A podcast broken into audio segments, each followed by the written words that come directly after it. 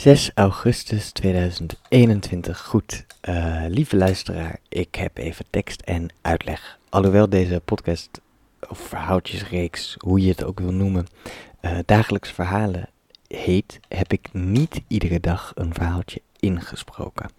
Wel heb ik iedere dag op mijn blog, dat heet Sean's-blog, dus seansblog.com, iedere dag een tekst. Ook al is het maar één woord, ook al is het maar een punt, een zin of uh, ik heb iedere dag uh, gezegd dat ik dit zou doen. Dus dat doe ik ook iedere dag. Uh, maar soms verschiet het er dus een beetje in om dat op te nemen, omdat mijn schrijfzin heel erg weg is of omdat Um, ja, en om nou afleveringen van drie seconden uit te brengen, dat vind ik ook een beetje iets geks om te doen. Uh, dus vandaar dat er af en toe een aflevering mist. Dus niet schrikken. Ik schrijf nog steeds iedere dag, in ieder geval één woord per dag. En als dat uh, niet zo is, dan zie je het vanzelf. Want eigenlijk is het doel om dit minimaal een jaar lang iedere dag uh, te uploaden. Um, in ieder geval op de blog. Dus goed. Vandaag het verhaal. Het is een warrig verhaal. Um, ik heb het nog proberen een soort van aan elkaar te plakken aan het eind, maar ik ben een beetje moe. Goed, komt-ie. Vandaag heb ik vijf uur slaap achter de kiezen. Niet omdat ik de meest wilde, fantastische nacht had, nee. Ik heb vijf uur slaap achter de kiezen omdat mijn lichaam onkundig is in het eeuwenoude kunst van het in slaap vallen. Na enige verwoede poging te doen gisteren ben ik dus maar uit bed gegaan midden in de nacht. En ik weet niet meer precies wat ik heb gedaan, maar het heeft gewerkt, want om half drie sliep ik. En om acht uur werd ik wakker trouwens. Het is moeilijk om te bemerken dat een ritme en een energie die op je dag met je meedraagt afhankelijk is van de hoeveelheid slaap die je hebt genoten. Ik ben geen held in slapen, nooit geweest. En dan zie ik bijvoorbeeld online filmpjes voorbij komen als als je rijk en succesvol wilt zijn, dan moet je slaap opgeven. Een succesvol mens besteedt zijn, let op, er wordt over de man gesproken, dus zijn besteedt zijn tijd met werken. Werken, werken, werken, werken. Ik zie een soort uh, lone wolf die dan in een grot zijn grote plan smeet, onafgebroken op de loopband van het leven. En dan op standje 10 rent.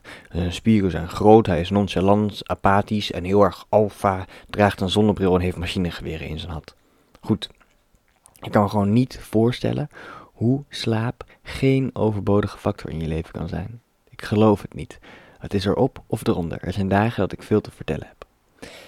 Uh, vandaag is niet zo'n dag. Ik kan dan verhalen tot over het randje van de horizon achter elkaar leggen. Maar dat heb ik vandaag niet. Ik heb vandaag wallen onder mijn ogen en een vermoeide blik de wereld in. Geen alfa, geen loopband, geen machinegeweren, geen zonnebril. Mijn weken lichaam begeeft zich naar de waterkant. Ik zie niets van de golven, aangezien mijn oogleden hardnekkig aan elkaar wensen te plakken.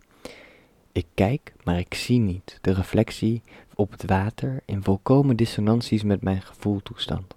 Wat daar is, hetgeen waar ik naar kijk, blijft eigenlijk verborgen. De ene keer kijk ik met een blik van melancholie, is de hele wereld blauw. En de volgende keer ben ik extatisch, uh, zeer aanwezig. Zeer aanwezig. En op momenten zoals dat zijn de planten die er groeien de negatieve van de wortels.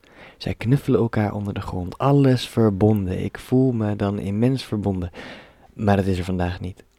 Nee, vandaag groeien tussen de stilte en het geluid van de krekels en ronkende motoren de planten.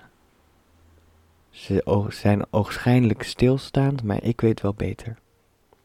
Alles verandert. Zo ook de brug. Want bij de rivier staat een brug. Die brug staat er nog niet lang. Tijdens een bombardement in de Tweede Wereldoorlog is de vorige brug opgeblazen.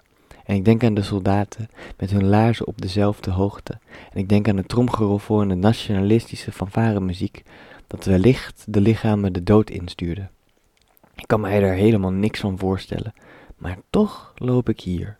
Op de een of andere onverklaarbare wijze ben ik hier nog. Maar ik zie slechts hoe ik mij voel. We zien slechts rond in de wereld hoe wij ons voelen. En ik fiets naar huis, aan de verkeerde kant van de brug, want dat moet, want mijn fiets, die heb ik in het midden op de brug geparkeerd. Dat was de enige optie om bij het strandje te komen. Nou, goed. Een dikke man op een elektrische fiets komt mij tegemoet fietsen en hij roept, dit is de verkeerde kant, lul! Nou, ik herinner mij dus een opstel van Michael de Montagne. Is een filosoof uit 1500. Hij vertelt in het opstel een verhaal over een generaal die een belangrijke strijd verloor. In zijn woede heeft hij alles in zijn legertent, waar hij zich verschanste om de volgende oorlogszet te plannen, helemaal kapot geslagen. Bont en blauw, vazen gingen kapot, stoelen, tafels, niks bleef gespaard. Hij gebruikte dit simpele voorbeeld van die legergeneraal om aan te tonen dat de emotie van de mens niet binnen kan blijven. Men moet de emotie ventileren naar de buitenwereld. En dan denk ik weer aan mijn vermoeide staat. Voel mijn weken lichaam. Hoe ventileert zich de vermoeidheid? Langzaam probeer ik uit te zoomen. Ik ben warrig. Mijn eigen blik onder de loep te nemen. De droom, zo voelt het, een droom. Alsof je op een mistige ochtend wakker wordt, een wandeling maakt en de dingen vervreemd ziet. Alle dingen trekken in een waas aan je voorbij. De voorwerpen doen zich anders voor dan je ze kent. Goed. Ik ben moe, dus vergeef mij dit abrupte eind. Ik moet mijn slaap inhalen. Dus dit is het verhaal voor vandaag. Het was een hele hoop uh, omwentelingen, maar we zijn ergens beland waar het uit is gekomen, I guess. Goed, morgen hopelijk een uh, interessanter verhaal. ik wens je een fijne dag of avond of ochtend of uh, dat dus.